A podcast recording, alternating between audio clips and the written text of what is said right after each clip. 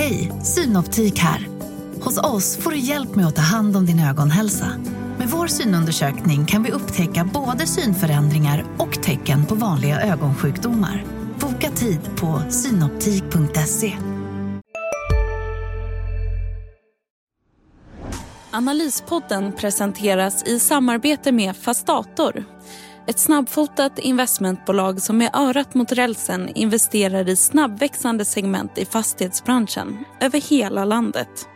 Läs mer om Fastator och våra innehavsbolag på sajten fastator.se. Analyspodden från Dagens Industri. Välkommen till Analyspodden, Dagens Industri-podd om börsen och en hel del om enskilda aktier kommer vi också att prata om. Idag är det jag, Agneta Jönsson och kollegan Johan Wendel som är i studion. Hej Johan! Hej Agneta, kul att vara här. Vad tycker du vi ska prata om idag då? Eh, börsen kanske? Nej, men eh, absolut börsen som allmänhet här, men också alla rapporter som har varit under veckan, eller hur? Det tycker jag vi ska göra och eh, vi har som vanligt också med oss två aktiecase som vi ska prata lite mer om.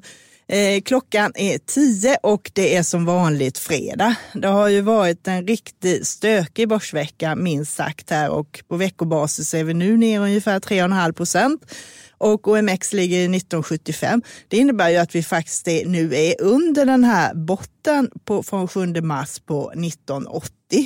Eh, så lite sval marknad har det allt varit. Det som har påverkat mest egentligen i marknaden. Det startade ju i måndags med en sån här riktig krasch när amerikanska eh, City gjorde en stor felaffär där man tryckte ner index under några minuter med 8 procent både i Stockholm och Danmark och Norge. Eh, du tittade lite på det där Johan. Ja, men precis. Och det är en sån här så kallad flash crash som vi kanske brukar kalla det, eller fat finger error, alltså att man har tryckt på fel knappar här. Och eh, allt annat lika, en sån här kraftig rörelse, eh, allt annat lika så sänker ju det här förtroendet för marknaden. Så på så sätt är liksom alla förlorare av det här, eh, tycker jag i alla fall. Sen tycker jag att det är rätt som eh, Nasdaq, då, börsoperatören här av Stockholmsbörsen, de, kom inte, de valde att inte makulera några affärer, det vill säga ja, eh, ogiltigförklara dem utan lagt kort ligger. Det tycker jag är rätt. Sen är det ju så att det, det, det är inte ett helt oproblematiskt beslut på så sätt att eh, det kommer säkert finnas en hel del personer där ute som har haft stopplossar, det vill säga att man har automatiska försäljningar när en aktie faller under en viss nivå. De stackarna, det, de, det, det, blir tufft tyvärr för vissa där av den anledningen. Och det visar ju också risken här med att ha en automatiserad portföljhantering också det här.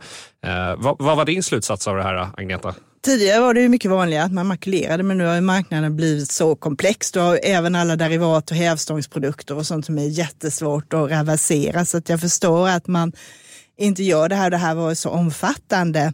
Eh, jag tycker inte det där med stopplossen är något större bekymmer för att eh, det är ju någonting som, det händer ju så fruktansvärt eh, sällan och plus att det är ingen som säger att man ska ha det i aktier där det är dålig likviditet så att säga.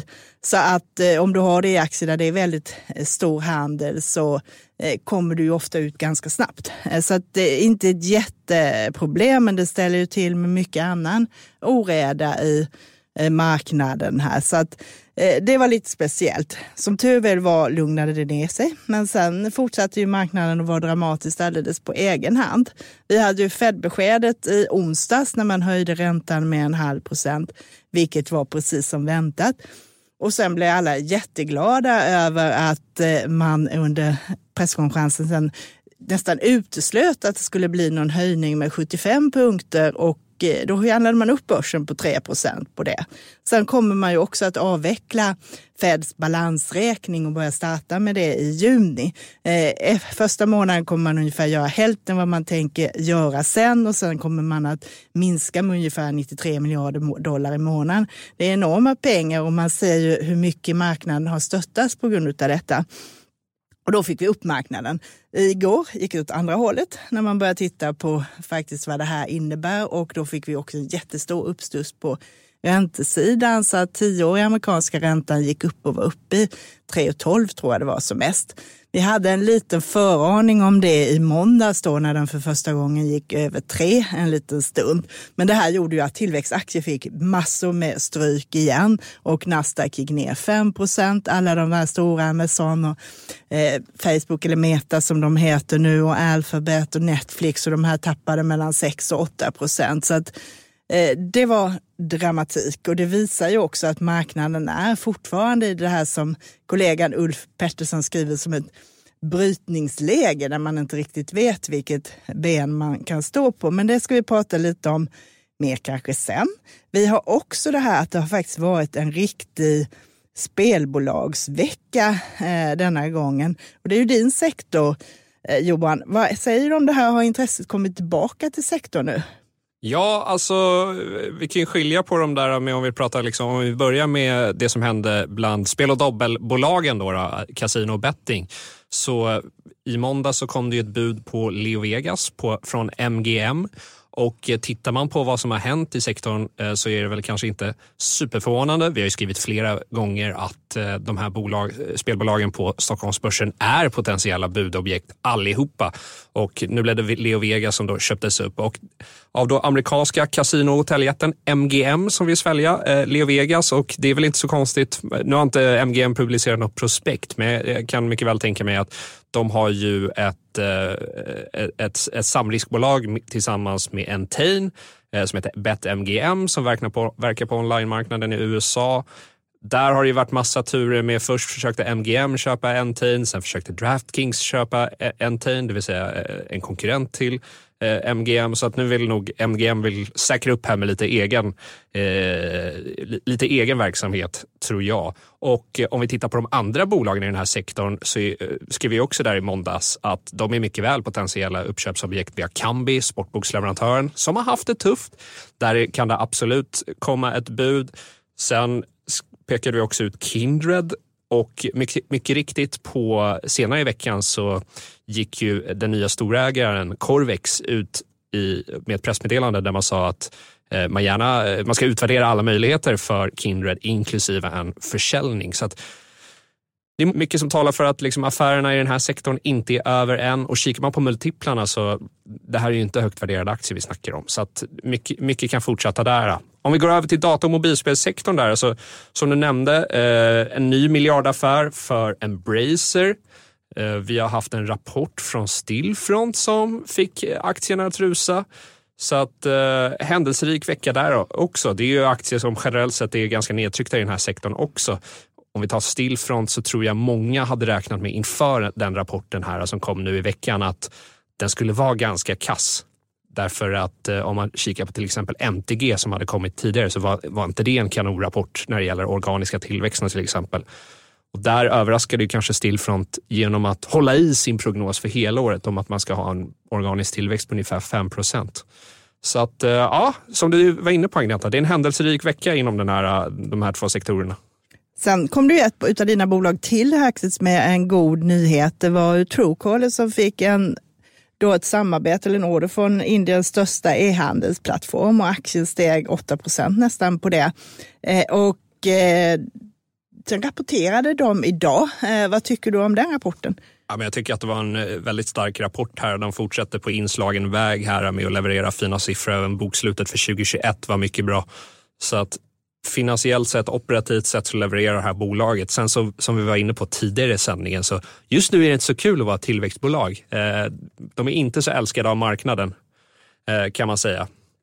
Och eh, här har väl Truecaller inte varit ett undantag, men jag tycker att eh, bolaget ser ut att göra rätt saker. Vi ska väl återkomma till dem lite senare i sändningen, eller hur? Det ska vi göra. Vi har också hänt en hel del andra saker och bolag har rapporterat, även större sådana som har fått stora reaktioner. I onsdags kom det en rapport från Skanska eh, där aktien föll hela 10 procent. Det är ovanligt för ett sådant stort bolag, men det berodde på utsikter då på sämre utsikter för byggande i Norden närmaste året inom både bostäder och kommersiella fastigheter. Eh, vår kollega Magnus Dagel skriver lite om det här att nu är det så väldigt lågt eh, värderat. Om man summerar ihop alla bolagets fastigheter, både kommersiella och bostäder, nettokassan, så får man ett värde på 94 miljarder och börsvärdet ligger liksom runt 70. Eh, så att där har du väldigt billigt eh, på den här eh, rapporten nu och eh, tror man på det här så är det ju ett läge kanske att plocka upp lite av den typen av bolag. Det är också precis som vad det gäller tillväxt så är byggande och fastigheter väldigt mycket out of favor just nu här. Eh, sen kom ett av mina bolag som jag följer med rapport, det var Securitas. Det var en okej rapport, det var inget eh, att klaga på egentligen eh, på den. Men det som man blev besviken på där var att den här stora affären som man aviserade innan jul att man köper Stanley Security, den kommer bland annat att finansieras med en nyemission. Jag hade hoppats på lite mer besked om det och villkoren eh, på den. Eh, själva affären väntas vara klar i slutet av Q2. Man klubbar att man kommer göra en nyemission på stämman här i förrgår, men villkoren får vi vänta lite på till här. Men det är också ett bolag som är billigt. De handlas liksom på strax under 11 eh, gånger Vinsten för nästa 12 månader mot snittet ligger på, ligger på 15. Eh, däremot tycker jag man behöver inte kasta sig in i det där. Jag vill som gärna se eh, emissionen. Det kommer bli en stor ut, eh, utspädning. Jag har skissat lite på kanske att det blir en aktie, så att tre aktier blir fyra så att säga. Eh, och det är ganska mycket. Eh, och jag tycker man kan vänta lite och kanske plocka upp aktien på lite dippar där. Och där kan jag tänka mig att det är löneinflationen eh, man oroar sig för, bland annat för Securitas. Väldigt personalintensiv verksamhet. Det är det. Och eh, däremot så har man i alla fall så här långt lyckats bra med det. Man kallar det för prisbalans, då, att man lyckas föra över det här till kunderna. Och eh, det är också historiskt så brukar det funka när det är den här typen av inflation som är nu så är hela samhället mer förstående för det där så att det brukar inte ta emot. Men det kommer ju också liksom en liten eftersläpning liksom, efter lönerna stiger lite fortare. Och det beror också på hur de lyckas anställa människor. Sen kommer ju det här Stanley-förvärvet göra att då kommer man liksom bli mindre anställd per omsatt krona så att säga eftersom det är mer teknikinriktat. Ja, spännande att följa här. Vi får se vad det blir av den här affären, hur de ska gå tillväga mer exakt. Sedan ett par veckor sponsras Analyspodden av Fastator. Och med oss i studion har vi vd Knut Posett. Välkommen Knut! Tack så mycket, trevligt att vara här. Fastator är ett investmentbolag men ni väljer inte att gå utanför fastighetsbranschen som till exempel EQT eller Investor. Varför? Ja, det är väl bara för att det är det vi kan. Eh, vi kan bara fastigheter, så det är det vi ska hålla oss till. Eh, och sen så har vi valt att vara investmentbolag eh, lite för att vi vill vara snabbfotade och kunna välja inom fastigheter vilka segment vi vill jobba med. Nu jobbar vi med lättindustri och bostäder och där ser vi då olika nischer där vi kan liksom höja hyror, utveckla fastigheter och så vidare. Och ränteläget, är det en orosfaktor för er? Ja, det är en orosfaktor, eh, helt klart. Eh, nu, nu har ju vi 100% index på alla våra hyreskontrakt, vilket betyder att i och med att inflationen är hög så har vi möjlighet att eh, höja hyrorna då utifrån det. Eh, och det kan ju möta de ökade kostnaderna med eh, räntorna. Men vi ser med respekt för den utvecklingen på räntan och är liksom lite försiktigare och ser till att ha en kassa och och jobbar lite försiktigare än tidigare för att se hur den här utvecklingen eh, fortsätter. Rekordresultat 2021 i den senaste årsredovisningen. Klarar ni att matcha de siffrorna 2022? Ja, det ska vi göra och bättre ska det bli. Stort tack Knut Posett, VD på Fastator och för de här veckorna som ni har varit med och sponsrat Analyspodden. Tack, det har varit kul att delta. Ska vi beta av något mer som har hänt i veckan? Eh, vi kan ju säga det att det som kommer hända idag är att vi får ner mer eh, jobbsiffror i USA. Eh, kommer klockan halv tre, då väntar man 400 000 nya jobb mot 431 000 i mars. Arbetslösheten väntas vara oförändrad på 3,6 procent. Men det man tittar på där nu lite är ju också på deltagandet i arbetskraften. Det är många som inte har kommit tillbaka efter pandemin. Skulle de börja kunna tänka sig att börja jobba igen så kan det också då öka utbudet, vilket kan vara då en lite dämpad effekt faktiskt på löneinflationen. Så där kommer många sitta klistrade eh, framför skärmarna idag. Och sen finns det ju en annan grej som man faktiskt kan, som jag tror också påverkar det här stöket, framförallt då på i Europa. Det är ju lite det här med måndagens firande i Ryssland där de firar den här segerdagen, där de firar med anledning av eh, vinsten i andra världskriget. Då. Och det firar de varje år med militärparader och grejer. Och där finns det ju då en... Hej, Ulf Kristersson här. På många sätt är det en mörk tid vi lever i. Men nu tar vi ett stort steg för att göra Sverige till en tryggare och säkrare plats. Sverige är nu medlem i Nato. En för alla, alla för en. Har du också valt att bli egen? Då är det viktigt att skaffa en bra företagsförsäkring. Hos oss är alla småföretag stora och inga frågor för små. Swedeas företagsförsäkring är anpassad för mindre företag och täcker även sånt som din hemförsäkring inte täcker. Gå in på swedea.se företag och jämför själv. Oro nu att de ska använda det för att eskalera kriget i Ukraina. Eh, så det gör att det kan vara fortsatt lite slagigt, eh, tror jag också, idag och eh, kanske även på måndag här. Så att en stökig börs och vi hade ju det här stora nedstället i USA igår och ofta när vi har en sån här marknad när det svänger så kraftigt så vill man se den här dagen liksom när det brukar börja vända, då har du ofta att det går ner väldigt kraftigt men kanske stiger på plus. Det brukar vara en sån här signal att hålla utsikt Då. Så får vi liksom att det börjar minus fem på måndag och stänger på plus en halv, jag menar, då kan man börja plocka fram de här eh, fyndköpsknapparna lite. Annars så är det skakigt och det skadar nog inte att ha lite kassa. Ja, annars får man eh, passa på att fyndsälja som är vår kollega Rickard Bråses eh, nya favorit, favorituttryck. Precis, och det skadar som sagt var inte att vara lite beredd på det. Ska vi gå över lite till det här med casen och då ville du snacka lite mer om Truecaller förstår jag. Ja men precis och jag har ju haft den här aktien som eh, veckans aktie. Nu är det väl drygt eh, en, två månader sedan jag hade den som köprek och eh, jag tycker att den här rapporten som de har nu eh, bekräftar verkligen att de är på rätt väg. Eh, och, och, växer väldigt kraftigt. Om vi, om vi tittar på den här rapporten så, så vad heter det, levererar de ju en nettoomsättningstillväxt på 116 procent. Rörelseresultatet och då, då snackar vi liksom rörelseresultatet. Vi pratar inte några justerade varianter utan så, utan rörelseresultatet gick från 40 miljoner kronor i fjol till 175,5 miljoner kronor och det är en rörelsemarginal om 44 procent. Så jag tror att det här bolaget ligger fortsatt helt rätt. Man kan vara utsatt för konkurrens från, liksom, från större aktörer som Google, Facebook och de har försökt ta sig in på den här marknaden men de har inte lyckats. Så att det är ju ett bevis på att det finns ändå inträdesbarriärer här. Eh, om vi snackar lite nackdelar så är det absolut en nackdel att de är eh, så väldigt koncentrerade till Indien. Det är deras absolut största marknad. Det ska ge lite rabatt, absolut. Eh, det som jag tyckte var trevligt också i den här rapporten är att eh, deras eh, företagsverksamhet, alltså Truecaller for Business, när man säljer direkt till företag, växte väldigt fint. Hade en omsättning på 18,4 miljoner kronor i kvartalet. Så det är strax under 5 procent av den totala omsättningen i kvartalet. Men då lanserade man den här tjänsten i slutet av 2020, så den är fortfarande ganska färsk och visar fina siffror. Så att det kan bli ett ytterligare tillväxtben.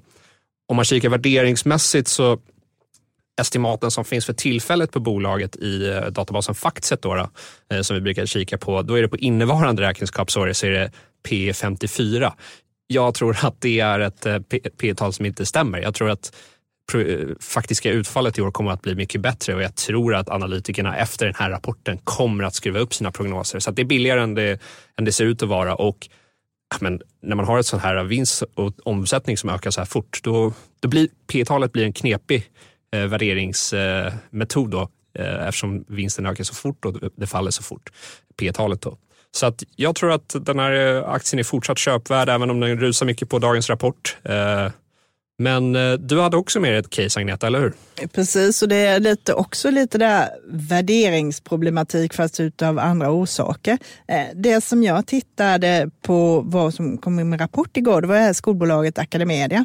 Eh, och de föll 8% på rapporten igår. och den var inte så jättetokig. Det är få analytiker som följer det här, men tittar man på förväntningarna så hade man väntat sig en nettovinst på 81 miljoner, det blev 155.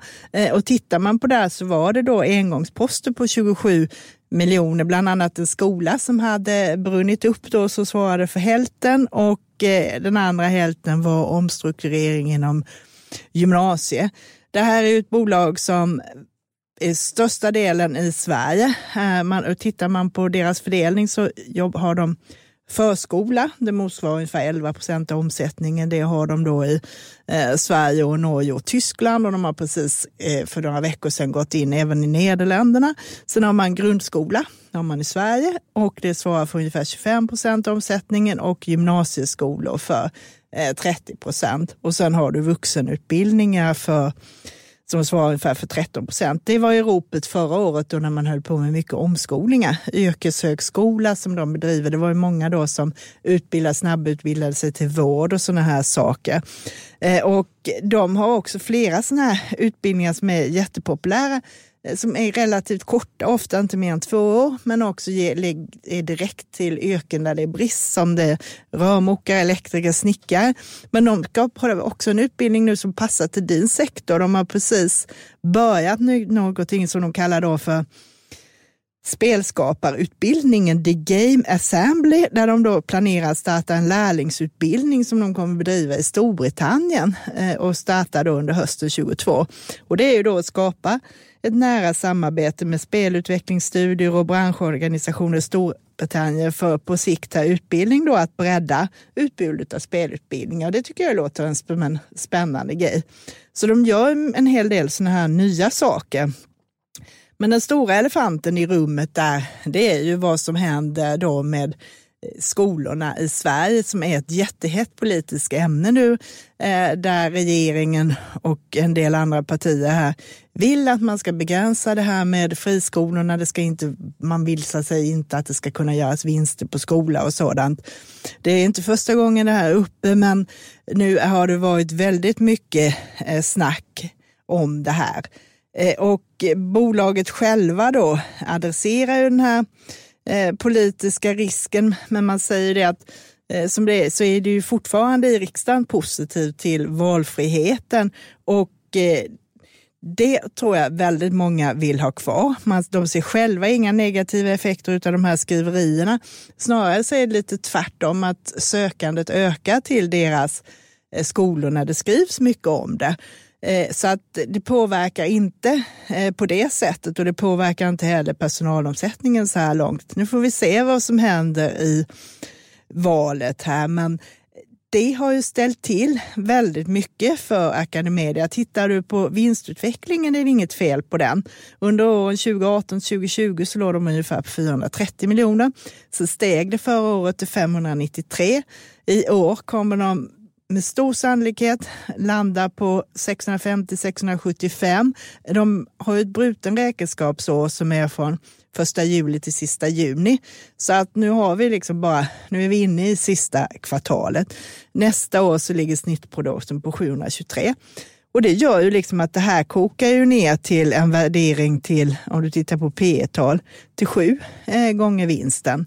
Eh, tittar du tillbaka för ett år sedan eh, så handlar det om 14 gånger vinsten. Och det är helt och hållet liksom en effekt på det här hur man ser på den politiska risken.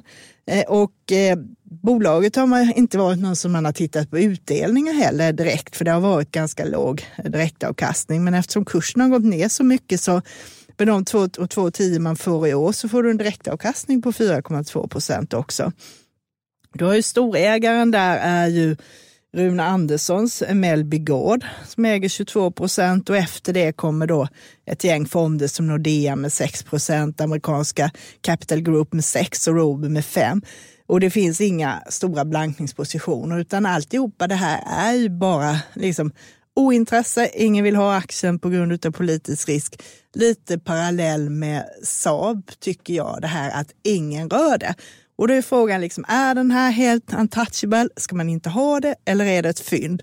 Ja, det får man ju bestämma själv, men jag tycker den här typen av bolag är också bra att hålla koll på när det är en riktigt dålig marknad.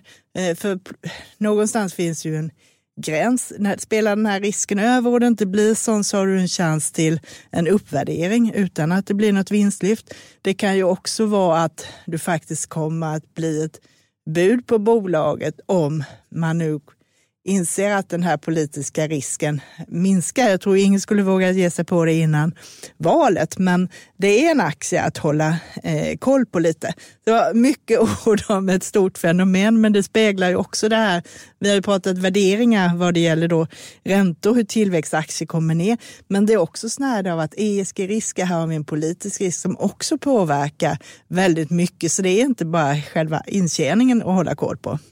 Ja, men spännande. Eh, och eh, sen har vi ju också en eh, rek från vår kollega Magnus Dagel att ta upp som skrev veckans aktie den här veckan i tidningen som publicerades i måndagstidningen. Han skrev om eh, friluftsbolaget Thule, eller hur? Det gjorde han och eh, det är ju också ett bolag som de rusade ju väldigt kraftigt i år, vilket gjorde då att värderingen steg mycket. Då låg ju, under pandemin så låg ju P-talet på över 30. Eh, men nu börjar liksom de här eh, prognoserna eh, mogna och det har kommit ner och ligger på 18-19 i år och nästa år här. Och Magnus tror att vi kan fortsätta få se stark tillväxt här. Så att vi är lite mer optimistiska än marknaden. Magnus Dag räknar med en 15 procents tillväxt i år och 8 procent nästa år. Och med en rörelsemarginal på nästan 23 procent så blir det ganska bra resultat. Då hamnar du på ett P tal på runt 16 i år och 15 nästan. år och det är attraktivt och det är historiskt lågt för det här kvalitetsbolaget som då faktiskt också växer strukturellt var väl ungefär eh, det som Magnus sa, skrev fast på ett mycket bättre och omfattande sätt än vad jag refererar till här då. Finns på di.se såklart om man inte har tillgång till den fysiska pappersupplagan. Men ska vi ta och blicka vidare vad som händer nästa vecka? Det kan vi göra. Eh, på måndag kommer det en sån här enkät, Centix investerarförtroende i Europa, vilket då visar liksom marknadens syn på kommande investeringar och synen på totalekonomi och sånt där. Och det är också sådär lite framåtriktade indikatorer. Så när det är så här osäkert så vill man se på de här liksom förväntningsgrejerna, vad marknaden tycker och sånt där. Och du får inflationsförväntningar i USA och sen får du SEBs boprisindikator som också är ett stort intresse för stora delar av svenska folket kan man minst säga. Där kan man väl tänka att Riksbanken kanske har gett avtryck nu i boprisindikatorn. Det kan det göra eftersom det nu är eh, i maj här. Sen på tisdag fortsätter det då att komma in lite eftersläntare på rapportperioden. Det är ITAB, Cellavision och Revolution Days som kommer in. Och sen får du ytterligare ett sånt här stort index, det här tyska SEV-index då, som är, man vänder sig till finansbranschen och frågar 350 analytiker om deras syn på saken. Och på onsdag så är det Mekonomen, Synsam och CETEC. Eh, och sen får vi Swedish Match eh, som är det storbolag som kommer då. Eh, och sedan så har vi Garo och Savax och Sagax. Och sen har vi det bolaget som du skrev veckans aktie om, finska Rovio, de med de arga fåglarna. Precis, det blir spännande att se där. De har kapitalmarknadsdag Precis, nu. kapitalmarknadsdag här i Stockholm faktiskt. Jag tänker åka dit om jag inte drabbas av någon oförutsedd sjukdom eller annat. Så att, det blir spännande. Och sen kommer även Tula ha kapitalmarknadsdag. Eh, får vi se här om de, vad de säger, om de säger i linje med vad Magnus har för tes här. Och sen har vi konsumentpriser i USA. Eh, på torsdag har vi Eh, Sweco och Balder och Swedencare, Sweden Care, eh, det här bolaget som jobbar med djurhälsa och har gjort väldigt mycket förvärv under senaste året, vilket har gjort att de har vuxit kraftigt. Så den rapporten blir intressant att titta på. Och sen är det producentpriser i USA. Och på fredag blir det lite avvaktande. Det är två bolag som rapporterar, utbildningsbolaget BTS och sen är det Bergman och Beving. Så då blir det en lite lugnare fredag. Å andra sidan så är det ju fredagen den 13 så det kanske händer något annat oförutsett den dagen då. Spänn fast er. Jag tycker vi stannar vid det här faktiskt. Eh, vi har nog eh, avhandlat ganska mycket, även om det finns mycket vi inte fick plats i den här podden heller. Så är det, man hinner inte med allting. Men det man bör hinna med är att lyssna på våra andra poddar, eller hur? Det tycker jag man ska göra. Och då har vi Makrorådet eh, som kommer ett nytt avsnitt i veckan här.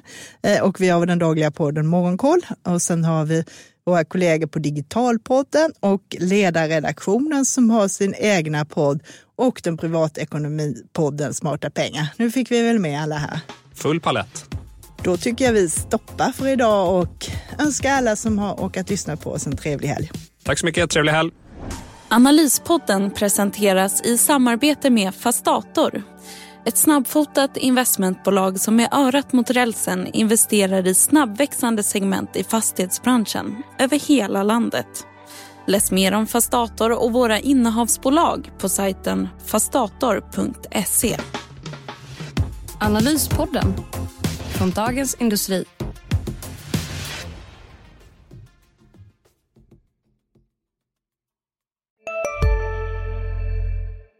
Hej, Susanne Axel här. När du gör som jag och listar dig på en av Krys vårdcentraler får du en fast läkarkontakt som kan din sjukdomshistoria. Du får träffa erfarna specialister, tillgång till lättakuten och så kan du chatta med vårdpersonalen. Så gör ditt viktigaste val idag, lista dig hos Kry. En nyhet. Nu kan du teckna livförsäkring hos Trygg-Hansa. Den ger dina nära ersättning som kan användas på det sätt som hjälper bäst. En försäkring för dig och till de som älskar dig. Läs mer och teckna på trygghansa.se.